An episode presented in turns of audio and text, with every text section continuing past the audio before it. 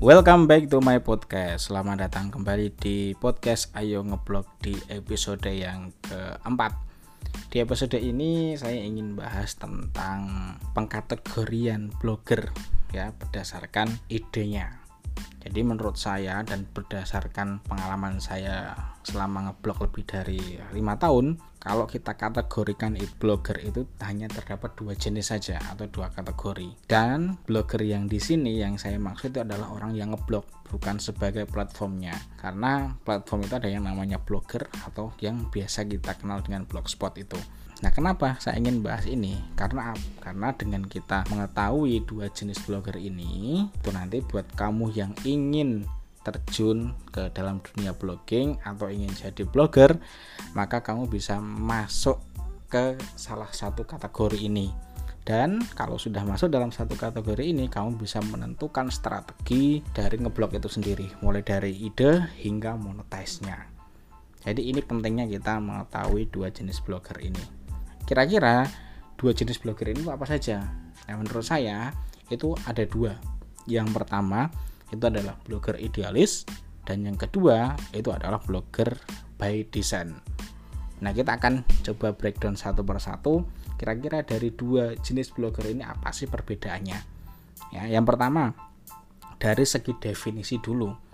Apa sih blogger idealis itu? Nah, menurut saya blogger idealis itu adalah seorang blogger ya yang dalam mengelola blognya atau dalam menulis blognya itu dia tidak mikirkan tentang kata kunci tentang SEO on page apalagi SEO off page yang dia tulis itu adalah apa yang ada di pikirannya. Saat itu dia kepikiran apa atau dia ingin nulis apa kemudian dia langsung tulis dan langsung publish. Ya jadi misalkan nih dia lagi berkunjung ke suatu tempat ya misalkan dia berwisata kuliner di daerah Jakarta kemudian dia dapat nih warung bakso yang rasanya enak dan pengunjungnya banyak sekali. Kemudian dia melakukan review terhadap warung bakso itu tentang bagaimana cita rasanya bagaimana pelayanannya alamatnya di mana dan selain sebagainya. Ya, dia langsung tulis aja nggak nggak perlu mikirin kata kunci ya SEO page-nya seperti apa SEO page-nya seperti apa dia nggak mikirin seperti itu. Dia langsung tulis langsung publish sudah sebarkan ke sosial medianya. Nah, ini yang termasuk blogger idealis. Jadi apa yang ada di pikirannya, apa yang menjadi idenya, dia tulis tidak ada intervensi dari siapa pun. Ya, itu yang blogger idealis. Kemudian yang kedua, itu blogger by design. Nah, apa blogger by design ini. Menurut saya blogger by design ini itu adalah blogger yang dalam menulis atau mengelola konten-konten blognya itu dia berdasarkan riset atau perencanaan. Dalam hal ini saya sebutnya sebagai by design. Jadi dia melakukan sebelum menulis ya dia melakukan riset keyword dulu. Kira-kira keyword yang paling banyak dicari oleh orang itu apa?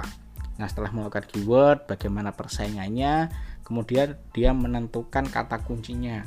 Nah kalau sudah ketemu kata kuncinya dia melakukan penulisan artikel pilar dulu. Artikel pilar itu adalah artikel yang biasanya sifatnya panjang jumlah kalimatnya jumlah katanya itu panjang dan pembahasannya sangat luas dan komprehensif. Itu artikel pilar.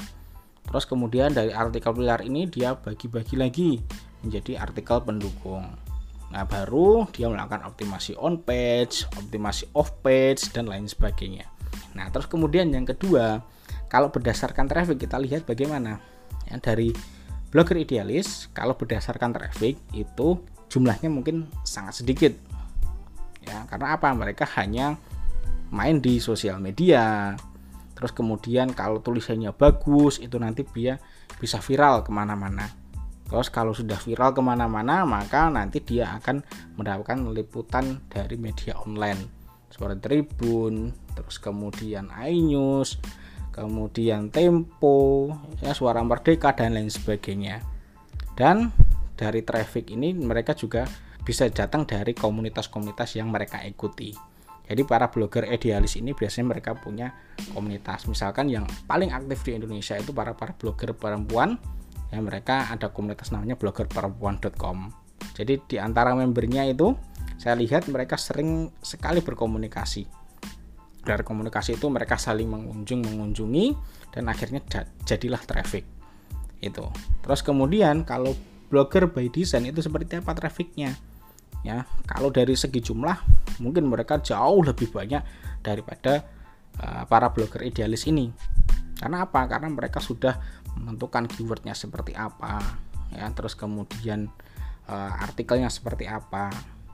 Jadi datangnya traffic itu dari mesin pencari. Karena apa? Karena mereka melakukan optimasi SEO nya ya kebanyakan seperti itu.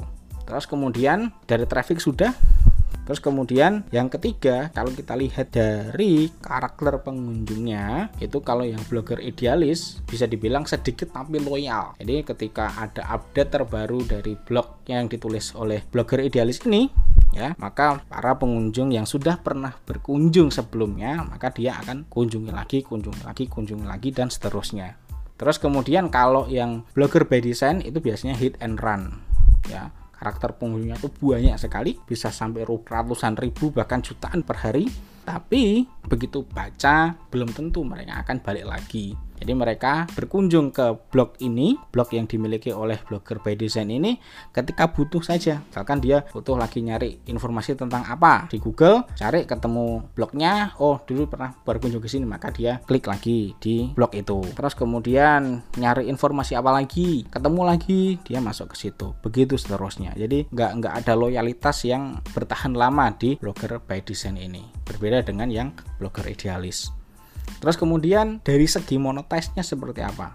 Kalau saya lihat dari blogger idealis ini mereka melakukan monetize-nya itu dari banyak hal seperti endorse. Ya, jadi nanti ketika dia sudah punya nama atau mungkin sudah merangkak naik sudah agak terkenal ya dia nanti akan biasanya akan mendapatkan endorse. Misalkan kalau saya sering lihat itu adalah yang uh, travel blogger. Kemudian dia dapat banyak tawaran oh, tolong dong saya punya hotel saya punya tempat wisata tolong dong di review nah ini seperti ini wujud dari endorse. Kemudian mereka datang ke sana dan dapatkan bayaran itu. Terus kemudian dari para blogger idealis ini biasanya juga mereka akan mengikuti lomba-lomba blog. Kemudian ada review review tentang produk tertentu ya layanan tertentu mereka masuk ke sana untuk monetesnya.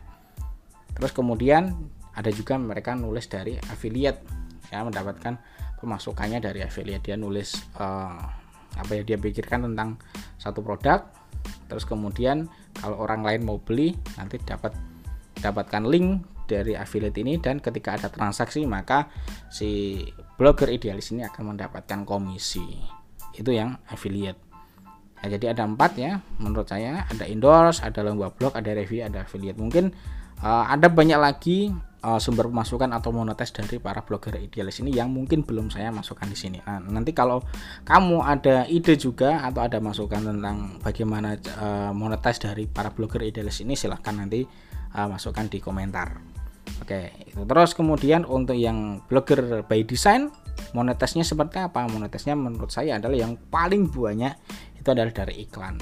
Ya iklannya berupa AdSense bisa. Terus kemudian nanti kalau uh, dia menawarkan slot di bagian sidebar atau di bagian uh, postingnya atau di bagian kontennya tertentu ya itu bisa. Ya tapi intinya adalah iklan. Ya terus kemudian dia, dia juga bisa menawarkan guest post. Ya karena trafficnya banyak dia menawarkan guest post yang tujuannya nanti adalah backlink ya sekaligus promosi dari orang-orang yang ingin guest post itu. Terus kemudian ada juga affiliate ini sama seperti yang uh, blogger idealis ya. Jadi untuk yang affiliate ini bersifat umum. Bisa untuk yang blogger idealis bisa untuk yang blogger by design. Terus kemudian yang terakhir menurut saya perbedaannya di bagian pengembangannya ya. Kalau untuk yang blogger idealis itu pengembangannya telah tergantung pemiliknya atau tergantung penulisnya ya karena apa? Karena ya dari segi kontennya yang dia tulis ada apa yang dia pikirkan. Ya dia nggak nggak ada intervensi apa pun dia nggak ada riset riset dan lain sebagainya. Ya jadi tergantung dari ini pengembangnya mau dibikin seperti apa ya terserah pemilik blogernya. Ya terserah pemilik blognya. Tapi kalau yang blogger by design ya untuk pengembangannya itu bisa bagus. Karena apa? Dia bisa dikelola oleh tim nanti ada tim yang mengelola untuk riset kata kuncinya sendiri ya. Tim untuk yang nulis kontennya sendiri ya. Itu bisa dikembangkan seperti itu. Nah kalau anda kalau kamu mau ngeblok itu mau pilih yang mana kira-kira? Mau jadi blogger idealis atau mau jadi blogger by design? Nah itu terserah kamu dan tergantung apa tujuanmu ngeblog. Kalau kamu ingin uh, menyalurkan bakat tulismu ya ingin menyampaikan ide-idemu bagus. Kalau ngambil masuk atau masuk kategori ke blogger idealis. Tapi kalau kamu ingin jadikan blog ini sebagai bisnis ya ingin mendatangkan banyak traffic dan juga banyak pemasukan di dalam blog ini ya maka kamu bisa memilih jadi blogger by design. Oke, begitu pembahasan saya mengenai dua jenis blogger ini. Mudah-mudahan bermanfaat untuk kamu dan yang paling penting mana pun yang kamu pilih, mau jadi blogger idealis boleh, mau blogger by design juga boleh. Yang penting mari kita ngeblog. Ayo kita ngeblog. Oke, sampai jumpa di episode berikutnya dan terima kasih.